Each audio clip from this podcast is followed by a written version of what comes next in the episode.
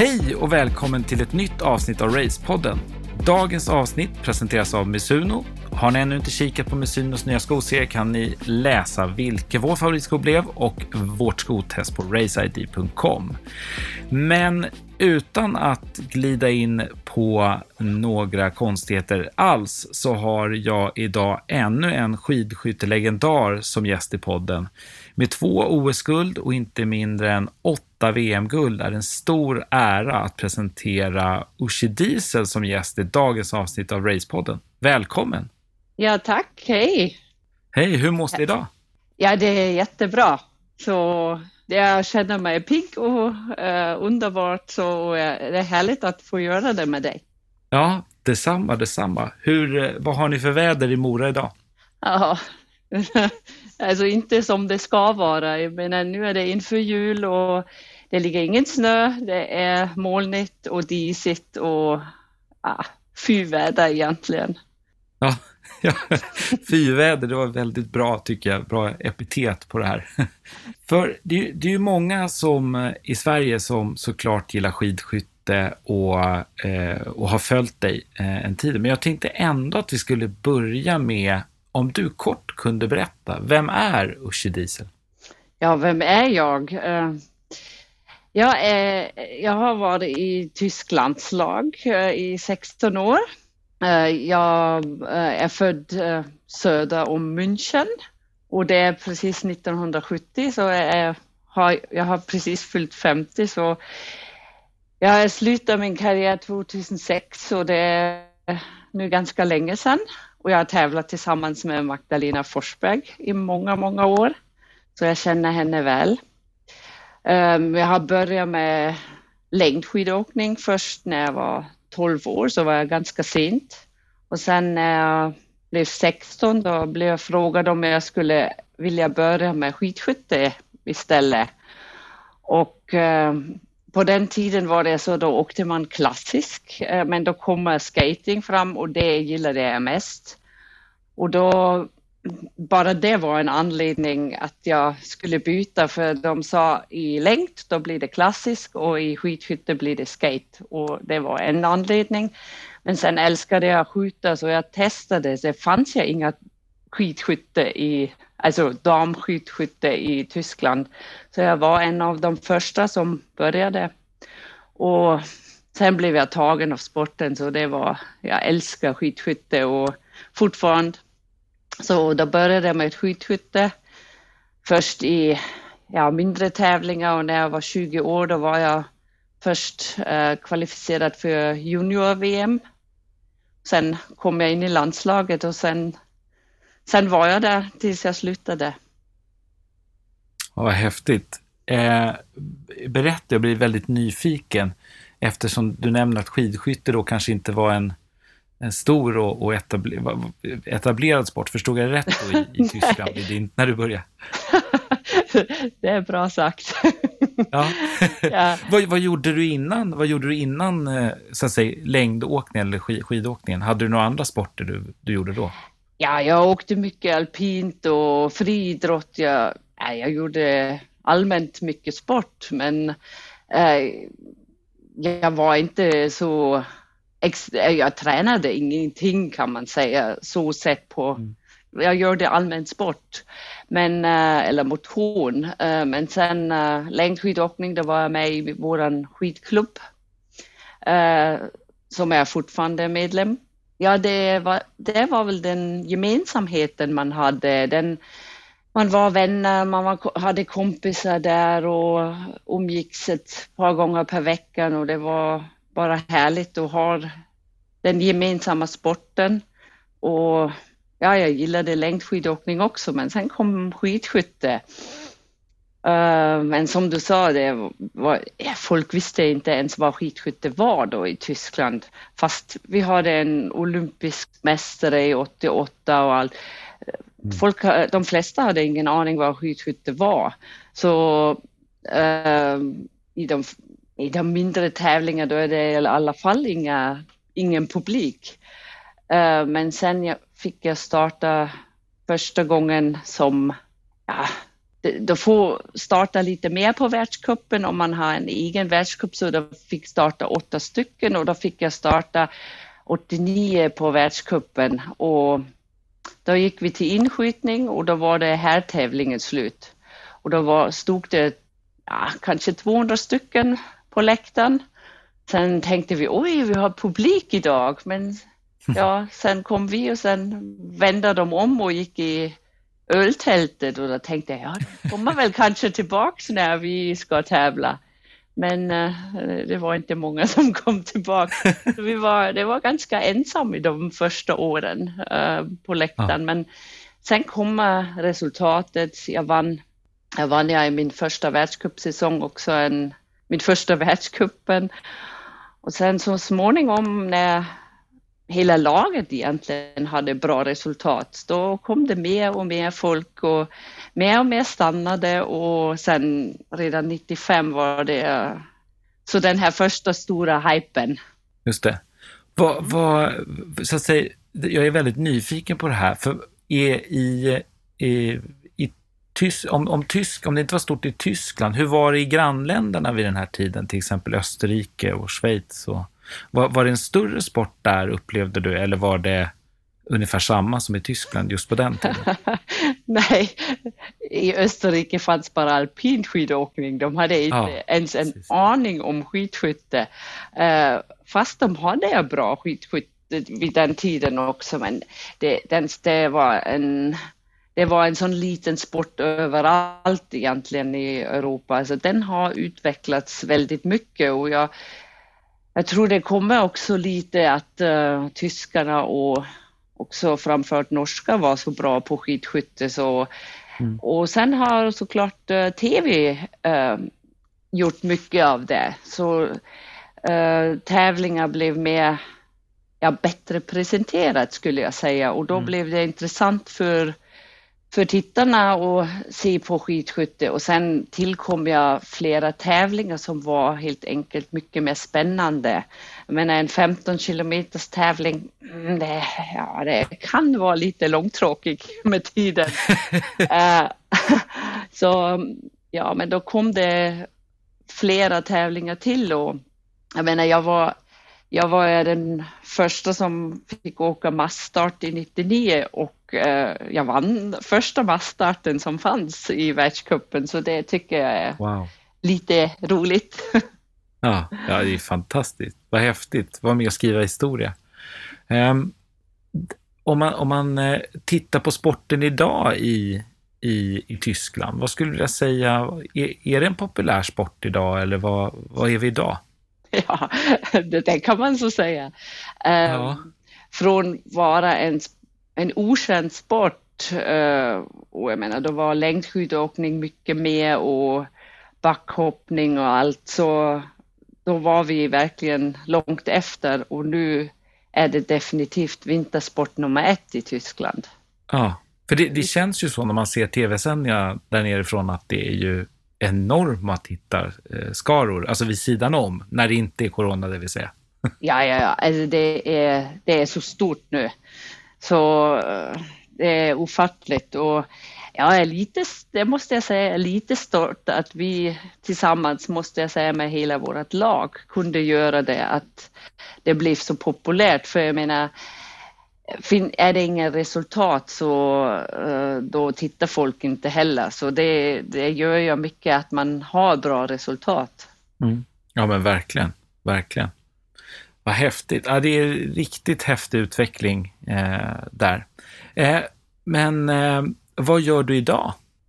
Vad gör jag idag? Ja, just nu tyvärr har corona satt stopp för det mesta. Så ja, ja, jag brukar jobba för min, ja, har, min sponsor har jag redan sedan 1988 och jag jobbar för Fissman egentligen sedan dess och fortfarande gör jag det. Men då är jag på världskuppen. Men det är ingen publik så därför kan jag inte jobba där just nu.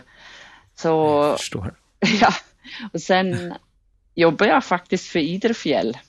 Och um, vi ska utveckla skidskyttearenan där men samtidigt är det egentligen mitt jobb också att jag får landslag till Idrefjäll som tränare där.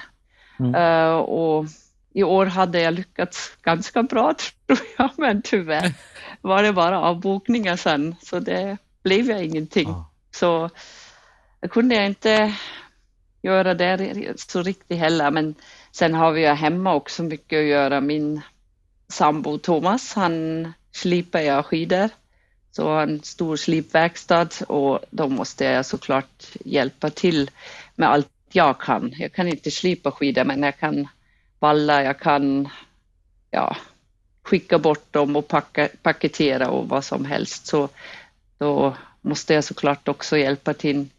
Och så har vi en vallaföretag också här som vi har i Sverige. Så mm. vi kämpar lite med florfritt och allt. Så Just det. det är också en utmaning. Och så har vi två, ja, och så har vi två barn som också behöver taxi och uh, göra läxa och allt. Så det, det, det är mycket jobb att vara förälder också. Så det vet väl de flesta. Ja, sannerligen, sannerligen. Har du fått in något av barnen på skidskytte? Har du lyckats med det? Oh yes, jag har båda två. Ja. Oj, oj, oj. Ja, ja. Vi, har ju, vi har ju fått en ny skidskyttearena här i Mora som är, det, ja.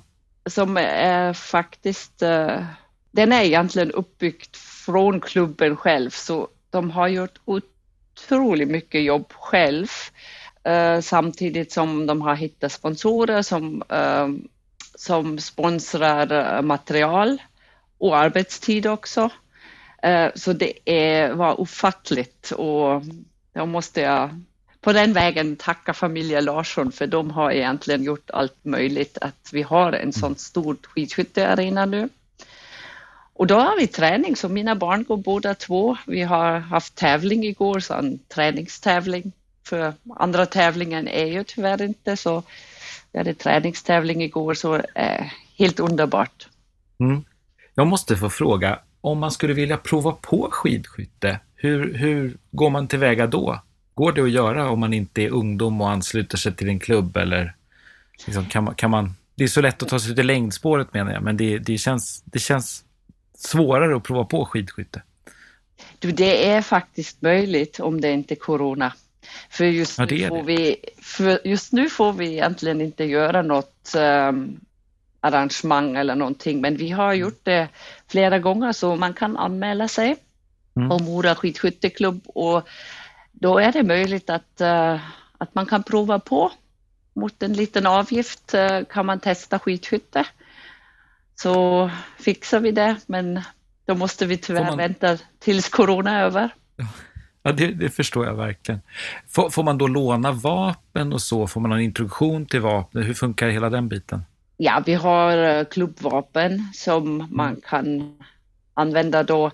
Och såklart måste man ju det finns ju massa säkerhetsregler som måste vara där, så jag, vi måste vara där på vallen. Vi, man får en säkerhetsinstruktion uh, uh, och allt så, och så står ja, en av ledare definitivt bredvid dig och tittar att det händer ingenting. Så, för det är farligt med finkaliber, det är ingen snack om det, så det, då måste alla säkerhetsskäl uh, egentligen Mm. Man måste har, har det hänt att allt passar. Nej. Precis. Det, det, har aldrig varit någon olycka? Nej, vad skönt att höra. Ja, men sammanlagt i hela världen, ja, men uh, det, det, är inte många gånger måste jag säga. Nej, Nej vad skönt, skönt att höra. Nej, det verkar ju som, man, i alla fall när man tittar på världskuppen så ser det ut som att det är väldigt eh, ordnat och noggrant med vapnen, så kan man säga. Ja, men det är så viktigt. Det, det är en, en farligt vapen, så det måste man ta hänsyn till. Så ja. det är viktigt att uh, man har koll. Ja, jag förstår det. Men du, jag måste ju eh, gå in här på din helt fantastiska karriär. Jag räknade upp några av dina, eh, dina framgångar som, som du gjorde och, och, och som du nämnde så var det ju en del av en era som jag tror även för många svenskar nästan är mytomspunnen. Men vad är ditt starkaste minne från din karriär? Oh, min starkaste minne? Det är så svårt att säga, vet du. För, du får gärna menar, säga flera om du vill. Men... Ja, men, men uh, min första världscupseger, det var helt fenomenalt. Han, vi hade, vi hade, ja det var, det var den här världscupen, då var vi i snökaos. Vi, kö, vi behövde 12 timmar att komma från Österrike till Frankrike. Det var kaos. Jag har sovit ingenting den här natten. Vi körde hela natten, kom fram, tränade. Uh, nästa dag var det tävling. Sen hade vi en vilodag och sen vann jag min första världscup. Så det var, mm det, det, var fantastiskt. Men samtidigt går man vidare. Första OS-medalj, helt underbart. Jag menar, första gången en OS-medalj, det är stort. Men sen blir man första gången OS-mästare också. Så jag har nio OS-medaljer då var för sig var en underbar eh, känsla att stå på pallen. Så eh, det är fantastiskt. Men samtidigt, eh, jag har vunnit ganska många stafettguld i, och ingen individuell guld i, på VM. Mm. Då var det såklart jättestort, eh, ganska i min slutet av min karriär att få inom 24 timmar två, OS, äh, två VM-guld också. Så det, det var ihop filsen så det var också en stor moment för mig, måste jag säga. Det var helt mm. underbart. Mm. Ja, häftigt. För du tillhörde ju en generation med otroliga tyskor som Katte Wilhelm, eh, André Henkel och Katrin Apel. Hur var det liksom eh, att få kämpa tillsammans, både mot och tillsammans med dem, undrar man ju, när, har, när man har ett så framgångsrikt lag? Ja, det är ju inte lätt, vet du. För jag menar, Nej. Är, man, är man en person i en landslag som är egentligen bra nog att hamna på pallen, då har man inte så mycket stress inom äh, landslaget. Men vi var ju så många, vi var ju minst sex, sju stycken som kan vinna en tävling. Och då wow. är konkurrensen naturligtvis stor att få en plats i stafetten. Så det är inte så bara. Så, eh, och, och då, var, då var pressen också väldigt hög och måste jag säga även från, från press och media är ju, är, var ju för oss pressen ganska stort. Så det var ibland eh, ja, inte lätt att hålla ihop nerverna när man ville vara i en stafett och ja, kanske var på gränsen att få vara med. Så det var det bara att kämpa och min motto är då alltid, visar man, alltså är man bra nog, eh, är man i bra form och visar att man kan, då blir det inget snack om att man är med. Så det gäller bara att träna. Mm. Ja, häftigt. Har du någon, har du någon eh, kontakt med de tjejerna, någon av tjejerna i laget idag? Ja, med allihopa kan man säga. Allihop. Ja. ja, vi har en WhatsApp-grupp såklart. Ja, och vi, ja, nu för tiden pratar vi väl inte så mycket skidskytte i den, men uh, alla är föräldrar och har barn så det blir väl ja, mycket prat om allt möjligt. Så vi, vi har koll på varandra om och då hör man nyheterna och vad som finns nytt. Så det är härligt. Jag tycker det är skönt att ha fortfarande kontakt med dem jag menar, vi är ju vi är nästan överallt. Vissa är i Tyskland, i Amerika, i, i Sverige. Så mm. det, är, det är skönt att hålla kontakten så. Mm. Jag förstår. Det är ju det, är det som är roligt med, med nya tekniken i alla fall, att man kan ha lite lättare kontakt med Ja, så är det. Så ja. är det. Eh, du nämnde förut att du eh, bland annat tampades med Magda, Magdalena Forsberg. Hur, hur, mm. hur var det? Ja, Magdalena är en underbar person. Det är ingen snack om det, men hon är ju, hon är ju uh, så populär i Sverige också och det, det förstår jag också varför. Hon, hon är en väldigt, väldigt snäll person och klart var vi, var vi konkurrenter uh, ute när vi åkte skidor. Men annars uh, kommer vi väldigt bra överens, har vi alltid gjort. Så jag gillar henne väldigt mycket. Hon är en väldigt trevlig person. Så, och det var härligt att tävla mot henne. Det mm. var hårda tävlingar kan jag säga. Vi kämpade mot varandra riktigt, riktigt hårt. Men bara där. Mm. Mm. Har du någon speciell sådär duell med Magda eller någon annan skidskytt som du kommer ihåg lite extra sen när du tittar tillbaks? Ja, jag kommer en tävling ihåg. Det var inte så direkt. Uh, ja, det handlade om, om uh, den hela världskuppen. Jag var jag, till slut var jag en poäng efter henne.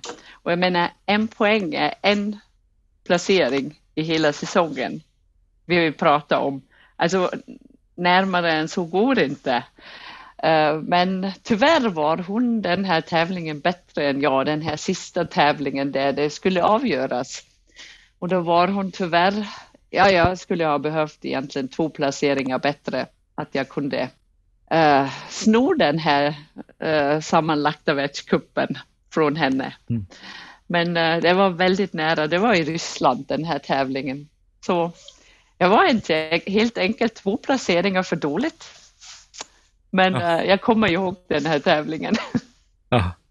Hade, hade du några sådana här favoritländer att tävla i? Var det Tyskland eller var det något annat land som också var där uppe? Och var det något som framförallt man inte ville tävla så jättemycket i? Um, ja, jag älskade att tävla. Rent personligt alltså? Ja, ja, ja. Jag älskade att tävla i Oberhof faktiskt. Mm. För uh, det är väldigt tuffa, tuff terräng. Det är svårt skidåkning och det var ju bra för mig. För jag var väldigt bra på skidor så där kunde jag, där kunde jag verkligen ta ut sekunderna mot andra. För jag tror det är inte så lätt att tävla där. Samtidigt det, är det väldigt platt in på skjutvallen så man kan vila sig ganska bra och publiken är långt bort. Så det var bra för mig. Så Oberhof måste jag säga, jag gillar det mycket. Jag måste tyvärr säga, det är ju min hem äh, träningsbana är ju Ruhpolding. Ja. Äh, det var inte så min favorit för då publiken så nära och Ja, det, det var, och så är det så mycket runt omkring så det var för mig väldigt, väldigt stressigt äh, att tävla där. Jag hade också mina resultat och äh, äh, jag kan inte säga att jag inte gillade det, men det var väldigt svårt. Och tyvärr måste jag också säga samma om Östersund. För, ja.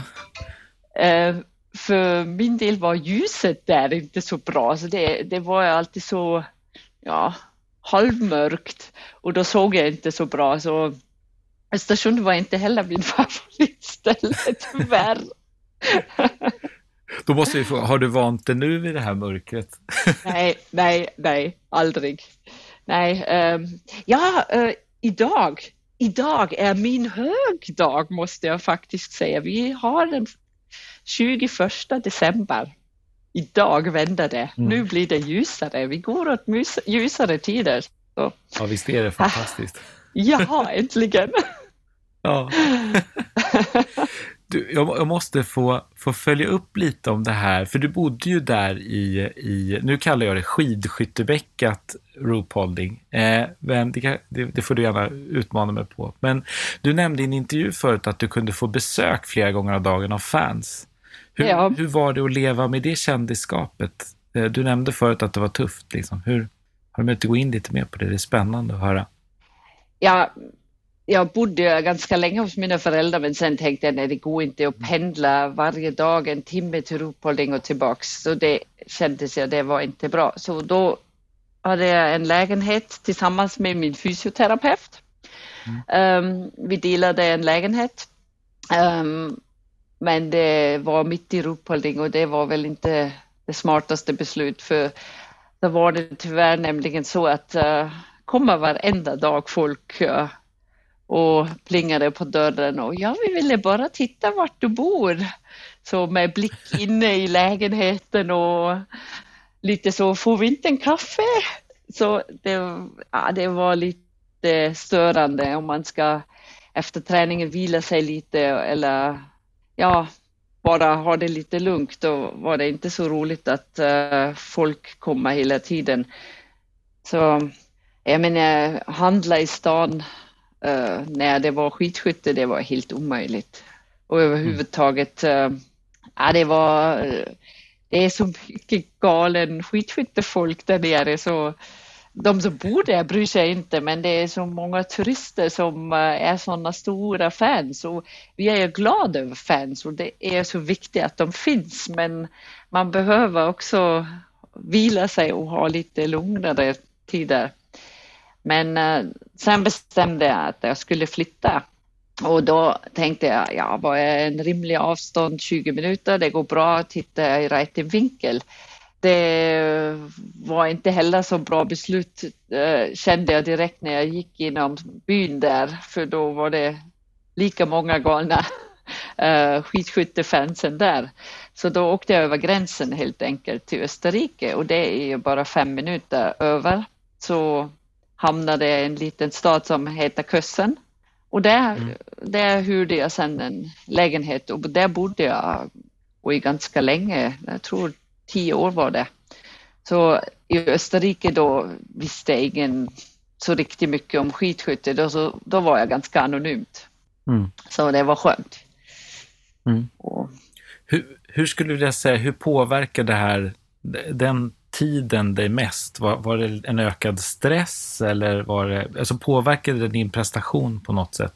Det ja, det är ju, ja, det gjorde det faktiskt lite. Alltså jag menar, i början, de, de första åren, ja då, då var fansen inte så många och de kunde komma till oss och det var helt lugnt och sen blev det bara mer och mer som de till slut eh, kände man nästan panik i folkmängden. Så då började man att dra sig undan lite och då var man helt enkelt arrogant, att man inte sätter sig mitt i publiken med alla bakterier och virus som springer runt. Ehm, men eh, till slut måste man göra det, för annars först blir man sjuk när man är i sådana folkmängder och sen är det också väldigt stressande. Och det blev till slut så mycket, alltså jag kommer ihåg jag satt i antalet en gång och började bara gråta. För det, det, var så mycket runt omkring.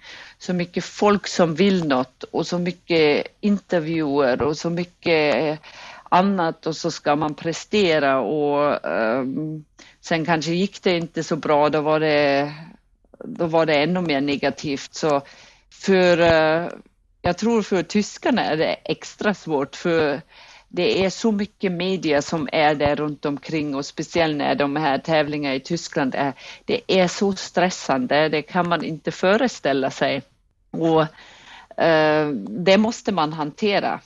Fördelen är att man var van med det när man åkte till OS, för det var, då var det nästan lugnare än om man var på världscupen. Så eh, det var nästan bättre för oss. Eh, men i världscupen då är det, ja, då kunde det vara väldigt stressande. Men då måste man lära sig att ta hand om det. Man måste lära sig att hitta lösningar. Man måste helt enkelt säga nej. Man måste helt enkelt hålla sig på rummet, uh, uh, inte vara överallt med och försöka att få den här lugnet man behöver för att prestera sen också. Och det, det är bara att hitta lösningar, att man blir av med stressen. Mm. Just det. För skulle du vilja säga, blev du, blev du duktig på att, att säga nej? Var det liksom en, en effekt av det här? Ja, det blev jag faktiskt. Så jag, jag försökte alltid undvika att säga nej och istället gå runt. Så i Ruhpolding gick jag inte de här vanliga vägar till skjutvallen, så jag visste alla omvägar där. Så jag försökte att ta mig in på skjutvallen utan att jag kommer i kontakt med någon där jag måste säga nej. Eh, men tyvärr var det oftast också så att jag jag fick bara springa förbi folk, eh, även om de skrek och ville ha en autograf eller eh, ville höra något. Då, då sprang jag bara förbi och till slut sa jag folk om mig att jag är arrogant och att jag har inte nödvändigt att prata med, med fansen. Men det var Eh, jag menar, det var inte bara en som stod där, det var tusentals. Då kunde jag stå två timmar och ge autografer och det går ju inte inför en tävling. Då måste man tyvärr säga nej och det, det har jag helt enkelt gjort och då måste man vara så hårt också och säga ja, om de tycker jag är arrogant och ty ska de tycka att jag är arrogant. Jag är inte det, men då, då har de sin uppfattning. I'm fine. Mm. På, på, på din tid när det utspelade sig, jag tycker man hör det mycket från idrottsmän och kvinnor idag, att, att man pratar mycket om just det här mentala, att jobba mycket med det mentala. Hur var det när du var aktiv? Var det någonting som, som du jobbade mycket aktivt för att, att hantera det här, men också pressen på tävlingarna? Vet du, jag har för att berätta hur, hur, ja, hur det har utvecklats. I början var det ingenting. Då, var det, då hade vi till och med lite fest på torsdagar. Uh, för det var inte så proffsigt i de första åren kan jag säga. Det blev mer och mer och mer. Men uh, samtidigt ökade pressen och jag, hade, jag har gjort det helt enkelt för sent att jag tog hjälp av ja, en mental tränare. Det skulle jag ha gjort mycket tidigare måste jag säga i efterhand. För jag kunde inte hantera pressen så riktigt. Mina eh, på skjutvallen presterade jag inte alls sen. Så jag, blev, jag tyckte jag blev dåligare och dåligare på skytte med åren. Uh, och sen, eh, sen funderade jag verkligen att göra det och så då hade jag sen en mentaltränare som hjälpte mig och jag tyckte jag först, ja, ja det är lite hokus pokus och så ska han, ska jag väl ligga där och han kan, eller sitta på en soffa och han ska um, prata med mig och vad vet jag. Jag hade en helt annan föreställning vad som skulle komma. Men sen började jag jobba med en och han säger, ja det är träning som vanlig träning också. Du måste lära dig hur du hanterar stressen och sen måste du lära dig hur du pratar med dig själv inför en tävling eller under tävlingsgången. Och det var, det var spännande och jag har gjort det sen också, ja egentligen, jag började 2004. Ja, 2004, två år gjorde jag det. Eller ännu tidigare, ja, typ sånt. Um, och han gav mig egentligen lite verktyg att hantera pressen bättre. Så han sa att du kan inte skjuta bort en negativ tanke. Jag menar i skidskytte är det så kommer man i, på skjutvallen och tänka Åh, jag får inte skjuta en bom nu, jag måste träffa, jag får inte skjuta en bom för då är jag borta. Alltså tänker man så, då träffar man inte. Det är så viktigt att man har bra tankar i huvudet typ jag kan eller uh, det är ingen som tittar på mig. Uh, och uh, då lärde jag mig att jag kan inte skjuta bort en dålig tanke, det går inte.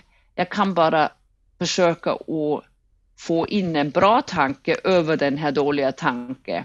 Och det har jag egentligen lärt mig att, att jag försökte att ha positiva tankar i huvudet eller inga alls, nämligen att man säger ja nu ska jag um, se att, uh, ja, fokusera på något helt annat än skytte i den moment så att man fokuserar på stavar eller på, ja att man tittar att man har rätt plats på skjutvallen så att man får bort tankarna lite från själva, själva skytte.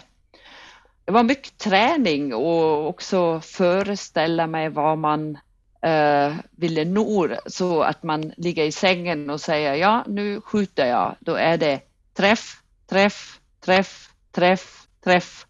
Och få bort den här bom som kan plötsligt komma.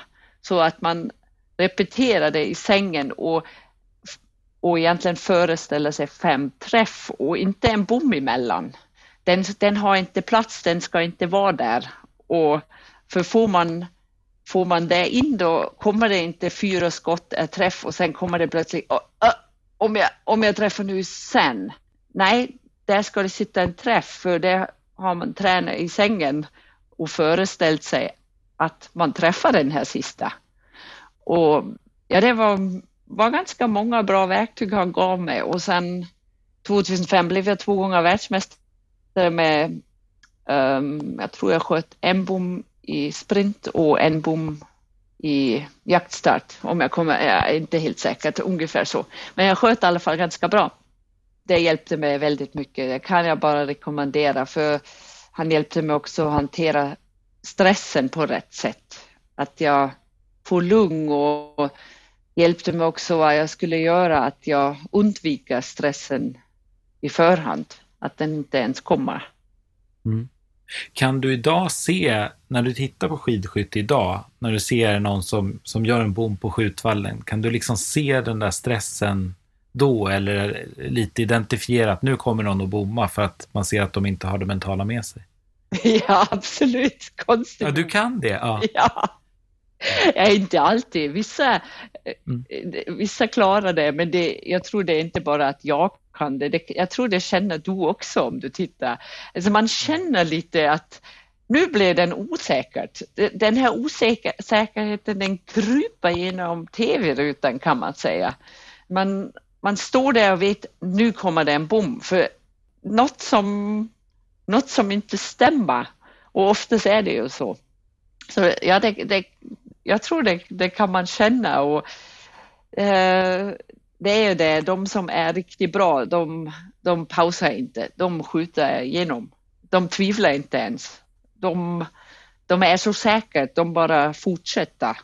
Och, och det, det är det som gör en som vinner en världscup med en som inte gör det. Att de mm. har en sån säkerhet i sig. Och samtidigt ser du jag kommer ihåg när Martin Fourcade hade en sån lite dålig säsong, det var väl för två år sedan. Så jag kände att han hade huvudet hela tiden på Johannes, han hade inte huvudet på sig själv. Han, han var osäker. Det, det var inte den Martin Fourcade man såg i tv-rutan som var. Han, ja, han kändes osäker och det har han, jag sagt efteråt också, att han inte har fokuserat på sig själv och man kände det. Och när han kom på det och ändrade det, då helt plötsligt var han bra igen. Så det, det mentala är väldigt, väldigt viktigt på skidskytte. Det måste stämma. Mm. Mm. Vad, vad, skulle du vilja säga att det mentala var dina största styrkor? Du nämnde förut att du, du kände dig bekväm i, i skidåkningen. Så vad, vad skulle du vilja eh, beskriva som dina största styrkor? Det var inte min mentala styrka kan jag säga. Nej, det var inte det. Nej. Det blev väl lite bättre med hjälp av en mental tränare, men det var tyvärr för dåligt. Eh, det var väl det var väl dåligast på. Så för jag träffade på träningen ganska bra. Jag var ingen, ingen superskytte eh, för att eh, jag har aldrig lärt mig skytte från grunden. Jag har ju börjat som 16-åring, uh, ja, då fick jag en vapen i handen. Ja, men kör på.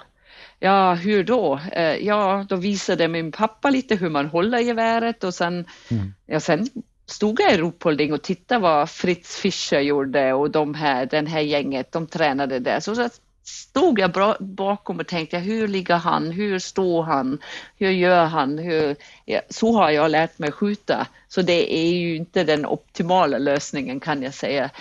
Så, men jag, jag har tränat väldigt, väldigt mycket och uh, har lärt mig mycket men jag har aldrig blivit den här superskytt. Men jag var en otroligt stark längdskidåkare. Jag menar, jag hade i många år bästa löptiderna på, på skidor, så det, det, det kunde jag.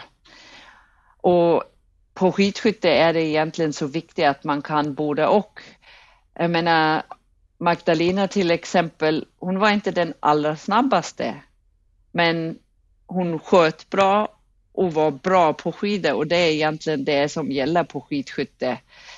Tyvärr är det så, är man bara en bra skytt, då har man svårt att vinna en tävling för det, det går ju inte att komma fram med. Men när skjuter man fyra gånger noll och är inte på pallen, ja, det, det kan man tyvärr inte ändra en tränare med. Men äh, är man en bra skidåkare, ja, ibland träffar man. Och konstigt nog har jag träffat ganska många gånger när det gällde, nämligen på en VM och på OS. Och äh, det tycker jag är skönt att uh, jag fick till det när det gällde. Um, mm. Ja, så jag är ganska glad över det. Så, så, din konklusion är att egentligen så, det, det, är nästan viktigare att vara en bättre skidåkare, för skyttet kan du lära dig än tvärtom? Ja, alltså skytte äh, lär man sig, lär man sig, men sen är det, det mentala jag så viktigt så jag mm. kan ju, kunde jag träffa, jag har ju träffat på träningen, men oftast har jag skjutit för, skjutit för långsamt in, en, i en tävling för då vill man göra det speciellt bra och det är helt fel. Du ska skjuta precis som du gör på träningen. Men konstigt nog när det gällde, då fick jag till det ofta. Mm. Och mm. mer än så behövs det inte. Nej. Jag. när, när det kommer till, till träning, jag pratade lite med eh, Helena Ekholm i, i förra avsnittet om, om eh, Volkan Prischler och, och, lite hans träningsmetoder och sånt där. Men, och då blev jag nyfiken på, eftersom du var så framgångsrik, eh, hade du någon speciell träningsfilosofi eller någonting sånt som gjorde att du blev så, så framgångsrik som du blev? Ja, det är en sån sak. Alltså, vi har ju, när jag började med skidskytte i landslaget, då var det öppningen från DDR. Så vi fick en tränare som heter Harald Böse. Han var hela min karriär min tränare. Eh, och tillsammans med Ove Musikang som är jag också, eh, var jag också hela tiden min tränare. Och eh, han hade sin träningsplan egentligen som han körde hela sitt liv med östtyska. Det är en hård träning, mm. men den är, den är också väldigt bra. Så, um, hård på vilket sätt?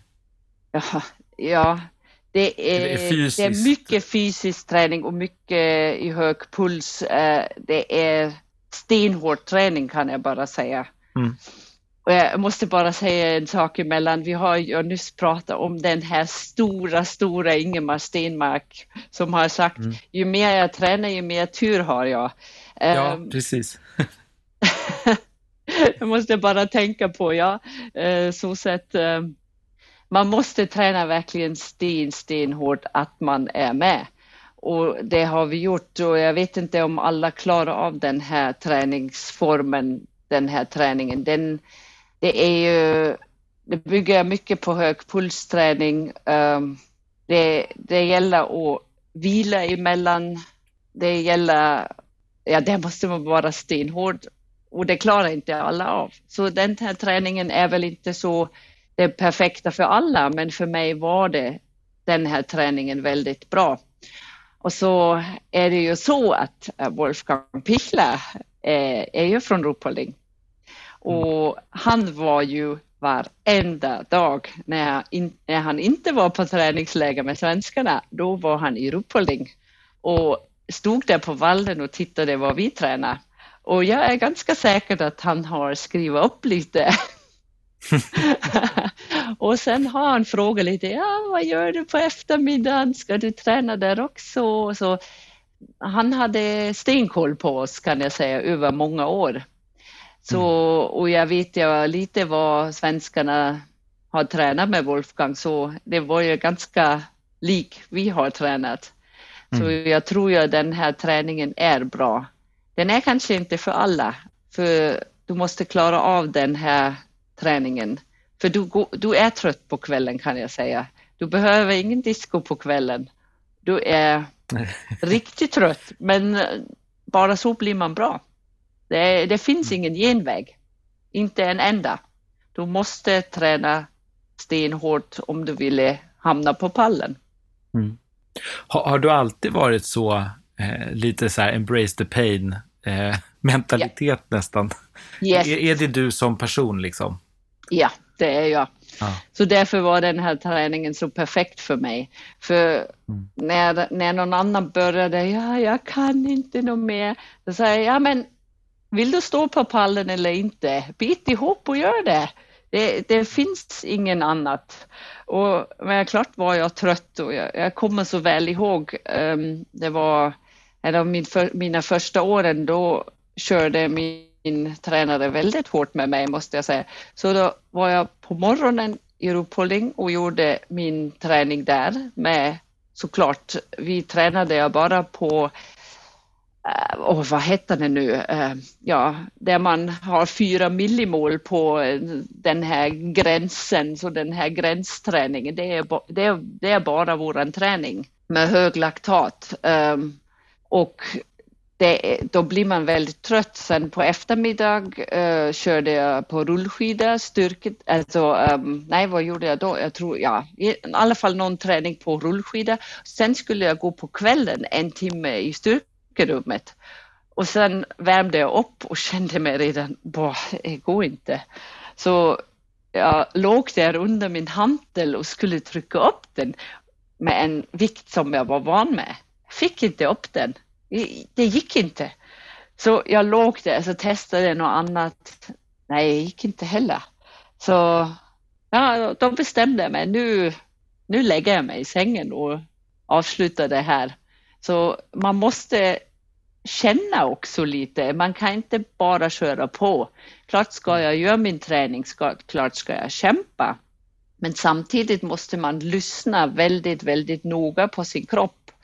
Mm. Uh, det tillhör den här träningen. För känner du, du om du, du får inte vara mesig, så du får inte säga att idag är jag trött, nu lägger jag mig i sängen. Nej, men du måste mm. verkligen känna efter. Nu är det verkligen så, nu är jag trött och då måste du bara ta beslutet och gå tillbaks och lägga dig i sängen eller gå bara en promenad. Så det, på den träningen är det så väldigt viktigt att man lyssnar på sin kropp, äta ordentligt, äta bra, äta mycket, eh, uh, sova mycket och vila mycket. Det, det, det är det viktigaste i träningen också, alltså inte bara träningen, också vilan. Och det tror jag att det är många som missar den parten. Eh, man ska träna hårt, men man, man också ska vila bra. Det, det tillhör träningen, för bara så blir man bättre. Mm. Du, du, nämnde lite sådär att man ska känna sin kropp. Tyckte du att det var svårt då att, så att säga, att, att känna av när det var dags? Eller var det väldigt tydligt för dig när, när liksom, nej men som du sa, jag kunde inte lyfta min hand, nu var det dags. Jag tänker den här skillnaden mellan att vara mesig kontra att, att nej, jag är verkligen trött idag. Det är dags att vila. Eh, jag var i stort sett eh, ganska bra på det. Jag, jag lyssnade mycket på min kropp och speciellt på min mage. Vad den säger, det gör jag fortfarande. Um, för oftast med maten är det ofta så att man är hungrig på det vad kroppen behöver och då ska man ge, ge han det. Uh, och samma är det, är man trött ska man vila. Alltså i stort sett var jag ganska bra på det och speciellt när jag blev äldre då kände jag jag kan inte träna så mycket nu. Nu måste jag istället träna snabbare, att bli snabb, men inte träna så långa hårda eh, träningspass. Och det visade sig vara helt rätt för jag blev ännu bättre. För det var precis det eh, jag behövde, för jag, jag, var helt enkelt för seg. Jag kom inte igång. Så när vi gjorde en träningsförberedelse, då, då kom jag inte igång. Jag fick inte laktatet upp, jag fick inte speeden upp. Och då kände jag, nu är det dags för mer sprint istället för, för den här hårda, långa träningen. Och det har jag gjort och då blev jag bättre. Men samtidigt har jag också missat en gång totalt på sommaren. Då gjorde jag helt enkelt fel med mat. Jag skulle träna med Ruhpolding var önskemålet från min tränare på eftermiddagar.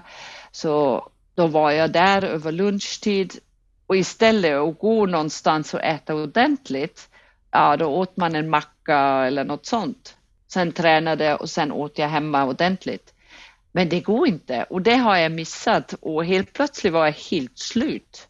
Så då gick jag riktigt in i en, i en fas, det, det gick ingenting. Jag, jag kunde knappt röra mig.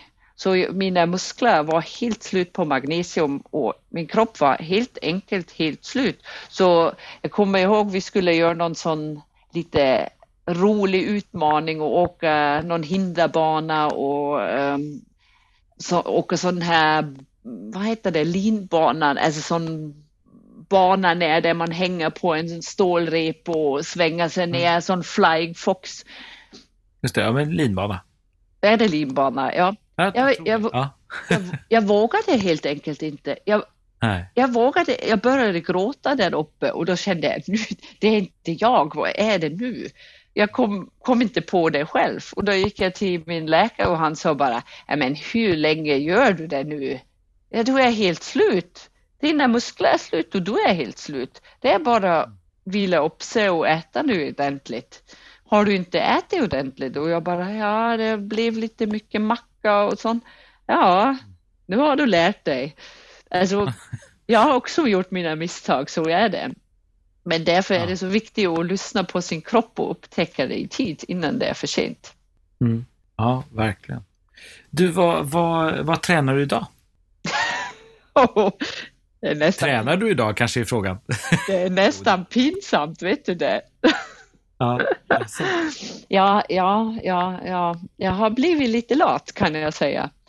Ehm, så sett, jag, jag har ganska mycket att göra runt omkring så um, jag, jag tränar jag min hund också. Vi har en hund som är en draghund mm. och den, det är en första och de behöver jag motion hur mycket som helst. Så uh, när det ligger snö och ikväll till exempel ska jag också göra det. Så då åker jag skidor med henne men det är ju ingen träning för mig. Så är, hon ska köra 20 minuter typ.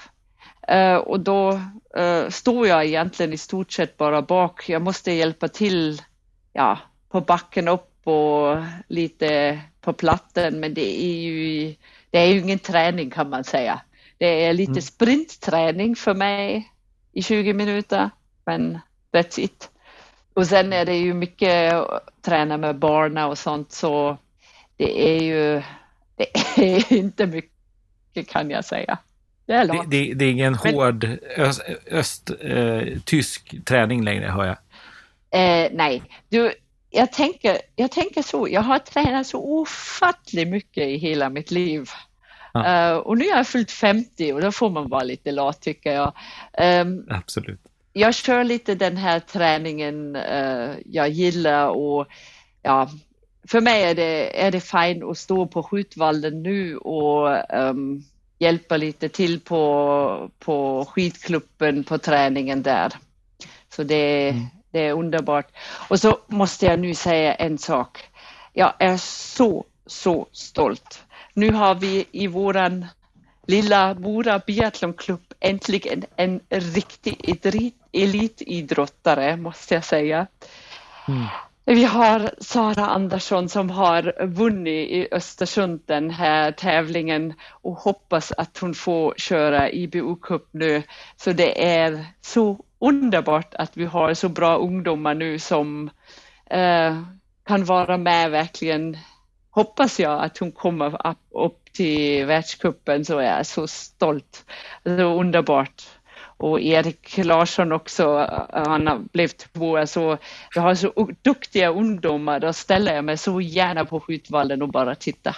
Ja, vad roligt. Har du varit själv inblandad i, i deras, så att säga, uppfostran i skidskyttet, om man får uttrycka sig så? Nej, det är ju inte jag. Så Nej. jag menar, de är nu 17, så jag, eh, mina barn gör inte så länge skidskytte. Jag menar, både Sara och Erik var i de här sista åren när jag började på träningen, så de var med. Men då har jag inte haft så mycket inblandan i det. Så det var andra som gjorde det, men de är otroligt duktiga och jag tycker det är så härligt att se den här nya generationen komma fram. Då steppar jag med min träning gärna tillbaks. ja, härligt. Jag måste bara fråga, eh, när du avslutade din karriär, som var så framgångsrik som din ändå var, hur är det liksom att gå ifrån det här eh, intensiva tävlingslivet som du hade gjort så länge och så? Hur, hur är den processen och upplevelsen? Ja, den var ganska enkelt. Jag menar, eh, det var ju många år som folk frågade sig, ja, ska hon sluta nu? Nu är hon ju ganska mm. gammal för en skidskytt. Ska hon sluta nu? Så Eh, jag ville ju inte, jag var inte redo. Men sen eh, 2006 då tänkte jag nu är det väl dags. Jag menar, jag, för mig var det alltid klart att jag vill ha barn. Och jag fyllde 35 så då vart det någon gång en fråga när då? Uh, och då, då har jag funderat väldigt mycket men jag hade helt enkelt, jag var klar. Jag hade ingen mm. lust längre att resa runt. Uh, jag hade ingen lust längre på den här stressen, för det är stressigt uh, med allt runt omkring. Um, och jag, hade, jag, hade, jag var klar. Jag, mm. jag, har, uh, jag hade mina resultat och jag ville gärna vara på, på min sista OS med och gärna ha en medalj. Och sen fick jag en bronsmedalj där, så allt gick jag fel på OS kan jag säga. Vi, vi har inte tittat på väderrapporten. Vi valde eh, startgrupp 1 fast det skulle snöa. Ja, visade sig, det var misstag. Men hela, hela teamet gjorde det. Så det har vi missat något stort. Så jag var väldigt besviken under gången. Men sen kom jag hem ändå med en bronsmedalj och var överlycklig. Sen tänkte jag bara, åh, inte längre packa väskor och resa bort, sitta i flygplan och är borta, borta hela tiden. Ja, jag var klar, så då, mm. då bestämde jag mig, nu är det slut med allt det här. Samtidigt måste jag säga, det beslutet i stort sett kom lite tidigare, redan i november. Då satt jag i Munjo. Det låg ingen snö i Europa. Där uppe var det snö man såg solen, jag såg, man kände att solen gick upp bakom berget och gick ner bakom berget. Så jag ja. satt där fyra veckor och så tänkte jag bara, varför? Varför skulle jag göra det? Inte en gång till. Jag, nej, tänkte jag, det, det klarar jag inte av ett år till. Så det, det var den första och sen till slutet var det, var det solklart för mig. Så jag var färdig för, med min sport. Jag var så nöjd med min karriär. Jag var, jag var glad över allt. Eh, jag hade en pojkvän, ja, min nuvarande sambo, så allt var perfekt. Eh, då var det bara att sluta och jag hade inte ångrat mig en enda dag. Jag har packat ut hemma och det är fortfarande så att jag vill inte åka bort. Jag vill inte packa, jag vill inte resa, jag vill mm. bara vara hemma. det har inte ändrat sig. Ja. Fantastiskt. Du, du har även blivit utsedd till eh, Årets idrottskvinna i Tyskland, vilket är helt fantastiskt. Är det någon sån, eh, tillsammans med dina medaljer, som du nu kan titta tillbaks till med det här att du var färdig och allting som du känner så här, det där, det där, det där var ju faktiskt eh, det kan jag titta tillbaka till extra mycket? Eller är det den samlade karriären som du känner att det där, det är det jag är nöjd med? Vad, vad säger du där? Jag, jag är så otroligt tacksam för allt vad jag fick uppleva under min karriär och jag är stolt över varenda medalj och varenda resultat jag har gjort uh, och också över mina, ja, årets, uh, uh, den här sportprisen årets idrottare och sånt. Så det, mm. det är jag otroligt stolt över och tacksam för allt. Men uh, i slutändan, jag har två barn och det är för mig den, den största belöning jag har fått i mitt liv. Så uh, det är det jag är mest stolt på. Uh, och det är en helt annat liv. Alltså, det är bra som det var och det är perfekt som det är nu. Fantastiskt. Eh, det är ju perfekta slutord det där. Men jag tänkte innan vi slutar så måste jag ju ändå fråga dig nu, nu när du har bott i, i Sverige ett tag. Hur, hur är det att bo jämfört med Sverige och Tyskland här nu? Jag måste ju fråga det dig. Ja, men varför tror du jag bor i Sverige? Ja. För jag trivs här. Så, vi bodde i Österrike det är ganska nära, hur jag har berättat, nära um, tyska gränsen. Mm. Um, vi bodde där, men jag kände Thomas är inte så riktigt hemma där och vi hade inte så många kompisar där. Sen kom vi varje sommar upp. Vi hade köpt huset redan 2007. Så vi kände här är det så underbart, här har man plats. Så vi bodde i en radhus med en 80 kvadratmeter trädgård. Och då kommer man upp till Sverige och känner den här friheten, har plats, inte en granne som sitter där och lyssnar vad du säger till din kaffe, eh, alltså när du dricker kaffe ute. Ja. Um, eh, nej men det, det kändes bara underbart och så gjorde vi ett testår. Så jag sa, jag testar ett år om jag trivs här med, speciellt med vintern och mörkret och allt. Mm. Ja, frågan ställde sig inte längre för om vi skulle flytta tillbaka så det var solklart så jag inte ångrar mig en enda sekund även om det är nu mörkt ute. Men det gör ingenting. Mm. Det är bara att tända ljus Ljusare inne. tider. ja. Nej, och det är bara, ja, men det är också bara att tända ljus inne. Man kan ja. göra det ljust inne. Så jag har right. inga problem i stort sett med det. Jag älskar att bo i Sverige och folk är mycket mer avslappnat. Det är inte så stressigt här. Åker jag, åker jag på vägen, det är inget som trängs och är stressad och man har plats och är det bara underbart. Jag älskar det. Mm. Mm. Vad härligt att höra. Sista frågan då. När ni tittar, sitter och tittar på skidskytte, är det, är det, håller du på både Sverige och Tyskland eller är det bara Tyskland? Jag måste fråga eh, frågan. Ja. svara? Ja, men jag funderar lite. Egentligen håller jag lite mer för svenskarna faktiskt.